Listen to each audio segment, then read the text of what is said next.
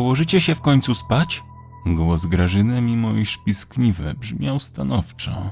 Dopóki dało się go słyszeć z parteru domu, nie było się czym przejmować. Gorzej jednak, kiedy brzmiał ze schodów lub z drzwi wejściowych do ich pokoju. Dzieciaki spojrzały na siebie. Ścisz to!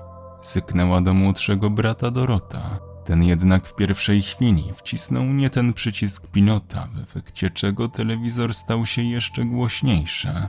Pomyłka natychmiast została zweryfikowana, ale i tak kilka sekund później dało się słyszeć wyraźny dźwięk dochodzących ze schodów kroków. Wyłączaj! Znów syknęła dziewczyna. Szybciej, pospiesz się! Damianowi zaczęły trząść się ręce. Tak było za każdym razem, kiedy malec znalazł się w sytuacji nieco stresowej. Starsza siostra nie chciała, by Grażyna, tak jak to miało miejsce ostatnio, znów zabrała im pilota do telewizora. Nim drzwi pokoju otworzyły się, telewizor był wyłączony. Dorota z Damianem zakryci natomiast po samą głowę kołdrami udawali, że śpią. Opiekunka weszła do ich pokoju od razu zapalając światło. Okej, nie oszukujcie mnie. Wiem, że nie śpicie. Przecież słyszałam przed chwilą telewizor. Obydwoje jednak zawzięcie milczeli. Dochodziły do tego mocno zaciśnięte powieki. Wtedy odchyliła kołdrę, pod którą ukryte były obie dłonie chłopca. Tak jak można się było tego spodziewać, w jednej z nich ściskany był pilot.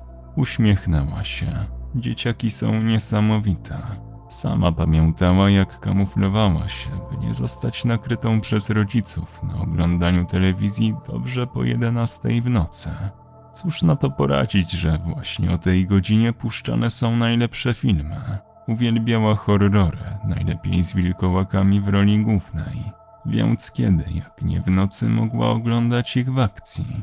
Chłopiec otworzył oczy. Jego wzrok prosił, by nie zabierać trzymanego w dłoni przedmiotu. Posłuchajcie, jest 22.30, jutro musicie wstać o 7. Jak do 12 w nocy będziecie oglądali telewizję, rano będziecie nieprzytomni. Nauczyciele znów będą się skarżyć, że jesteście niewyspani. Zgadnijcie, komu się za to oberwie. Nie czekając na odpowiedź, kontynuowała. Mnie, jak zwykle mnie. Co innego piątek czy sobota? Przecież wiecie, że wtedy możecie dużo więcej, ale w tygodniu nie pozwolę wam chodzić spać o 12 w nocy. Mówiąc to, wyjęła pilota z rąk malca. Następnie skierowała swe kroki w stronę łóżka Doroty. Dziewczynka patrzyła na nią przytomnym wzrokiem. Uśmiechnęła się do niej. W odpowiedzi ta także obdarzyła ją uśmiechem. Do jutra i nie chcę słyszeć, że znowu coś kombinujecie, rozumiemy się? Dorota odpowiedziała jej skinieniem głowy. Grażyna była ich opiekunką od przeszło dwóch lat. Będąc jak najbardziej w porządku, faktycznie w piątki i soboty mogli do późnych godzin wieczornych oglądać telewizję lub grać na konsoli. Opiekunka też miała swoje sekrety. Jednym z nich był chociażby przychodzący do niej chłopak. Mimo iż byli naprawdę cicho, Dorota słyszała ich rozmowę oraz śmiechy. Wychodząc z pokoju, spojrzała jeszcze w stronę regału z lalkami dziewczynki. Lubiła lalki, a jej mała podopieczna miała ich niemałą kolekcję. Od razu zauważyła nowy nabytek. Bez wątpienia nie była to zwykła lalka, jaką można kupić w pierwszym lepszym sklepie. Sprawiała wrażenie starej, gabarytowo była większa od Barbie i Monster High, jak również zdecydowanie od nich masywniejsza. Ogólnie była nieco przerażająca. Z jej oczu biło coś złego, demonicznego, a do tego ten smutny wyraz twarzy i usta przypominające podkówkę. Mimo zainteresowania lalkami, nigdy wcześniej nie widziała ani takiej, ani jej podobnej zabawki. Dorciu, skąd ją masz? Zapytała, nieco podchodząc do regału z zabawkami. To jest Bruce, znalazłam go wczoraj. Leżał pod namiotem z różnymi niesamowitościami. Namiotem z niesamowitościami? O czym ty mówisz? O tym cyrku iluzji, co przyjechał. Nie byłaś tam?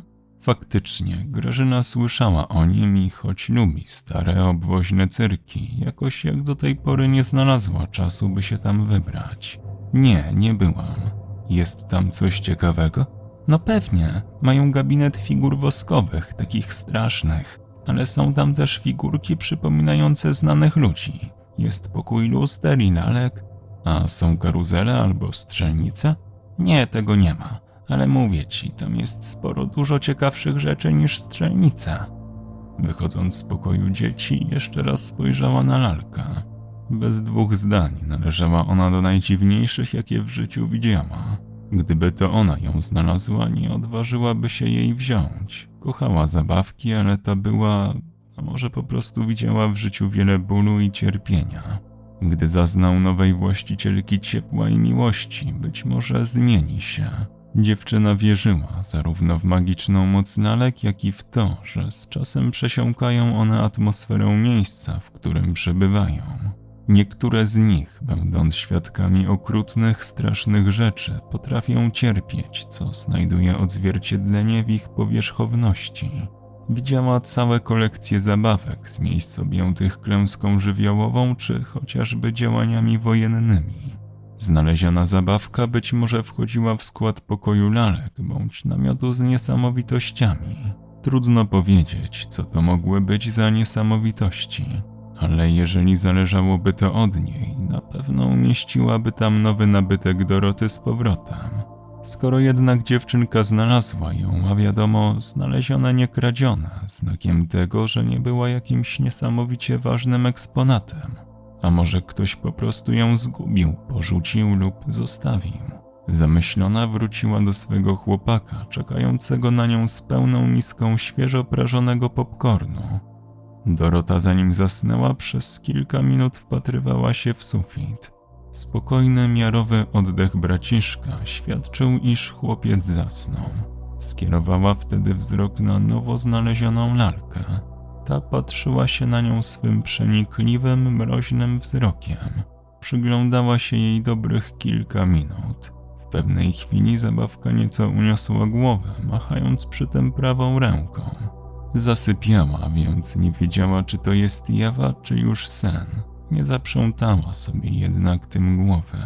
Ja się ciebie nie pozbędę. Kocham cię, Bruce. Wyszeptała, a może po prostu pomyślała. Obudziła się wyspana. Zanim otworzyła oczy, przez kilka minut wsłuchiwała się w otoczenie. Taki miała zwyczaj.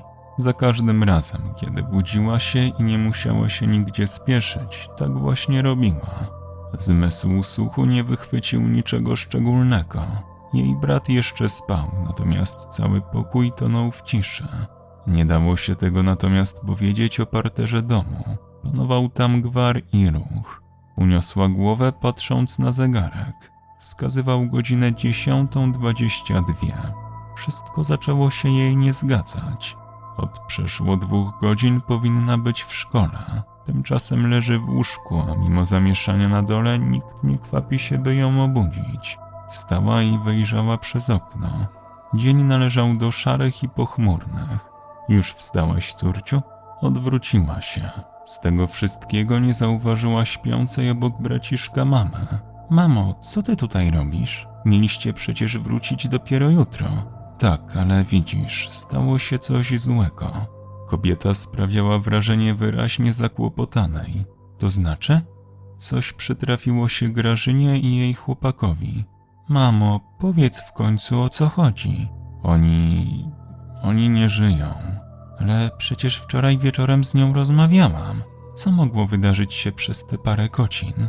Najprawdopodobniej było włamanie. Wyjaśnieniem tego zajmuje się policja. Dorota usiadła na łóżku. Wydawało jej się to niemożliwym.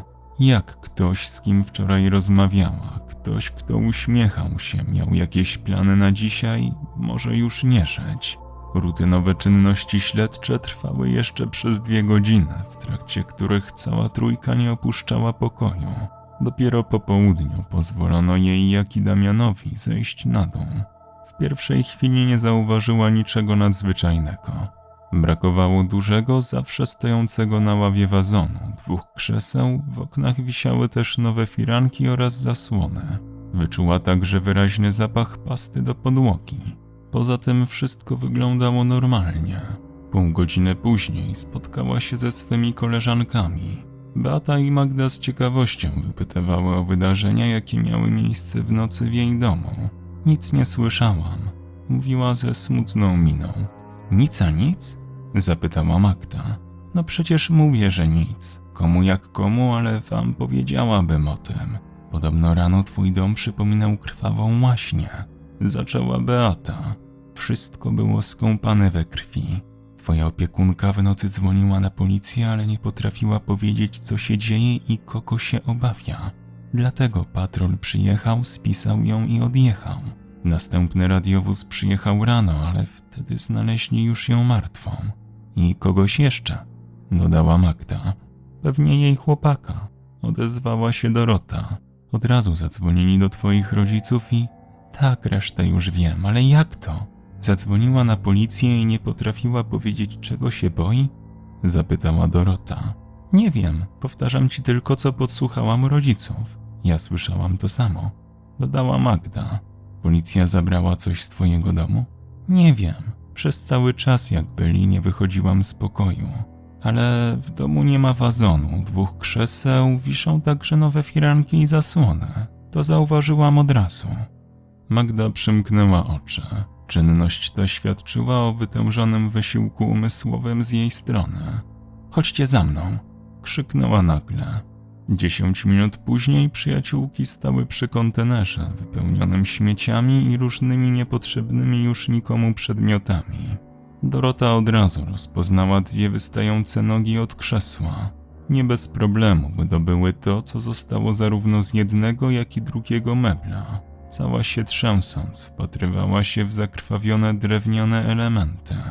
Z wrażenia zasłoniła usta. Gdyby nie wiedziała, że są to przedmioty z jej domu, w którym wydarzyło się coś złego, pomyślałaby, że ktoś wymazał je czerwoną farbą, następnie wyrzucając na śmietnik. W tym czasie Beata wygrzebała duży karton. Nastolatka rozpoznała go.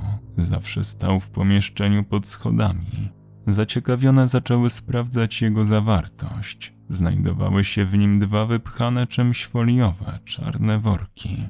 Otworzyły jeden z nich, po czym wszystkie trzy odskoczyły niczym poparzone. W worku znajdowały się przesiąknięte krwią firanki.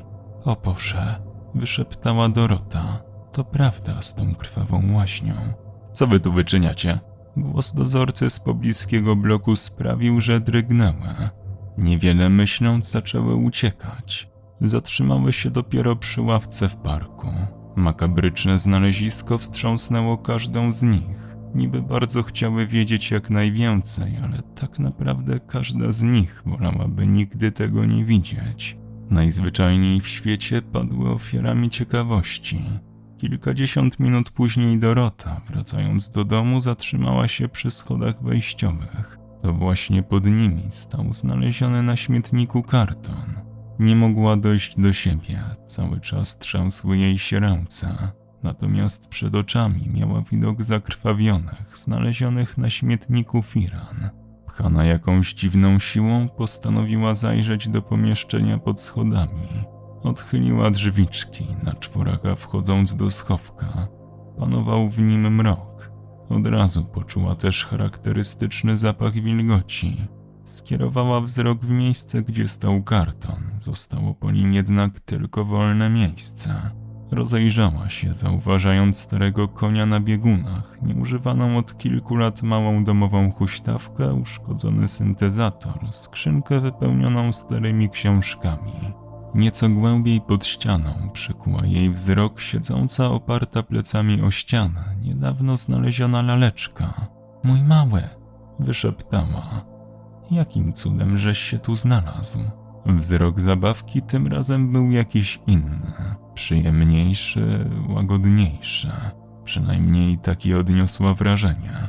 Mogłaby także przysiąc, że widoczna jeszcze wczoraj na twarzy Brusa podkówka teraz zamieniła się w uśmieszek. Najgorszym jednak było to, że lalka cała wymazana była we krwi. Rodzice, jak to zobaczą, będą kazali natychmiast pozbyć się jej nowego nabytku. Nie, nie może przecież jej porzucić. Jakoś przemyci ją do domu, wymyje, wypierze, po czym znów umieści na regale obok uśmiechniętej Barbie i wiecznie szczęśliwego Kena. Autor opowiadania Gabriel Grula. Czytam Quadrotes. Osoby wspierające powstawanie nowych treści to Krzysztof Drozdowski, Kalusia, Syrenka Ladacznica, Brutal Drop, Jojo Moto, Arkadiusz Waszkiewicz, Sebastian Król, Anna Rachuba, Michał Paszkiewicz, Gregorikos, Laki Gusi, Jan Bartol, Roxana Dąbrowska, Mateusz Z, Reker.pl, Fra Martin, Arachian, Wiktor Walczak, Bartosz Chwalisz, Anna Idziak, Jakusa, Gons oraz Rył.pl. Do usłyszenia.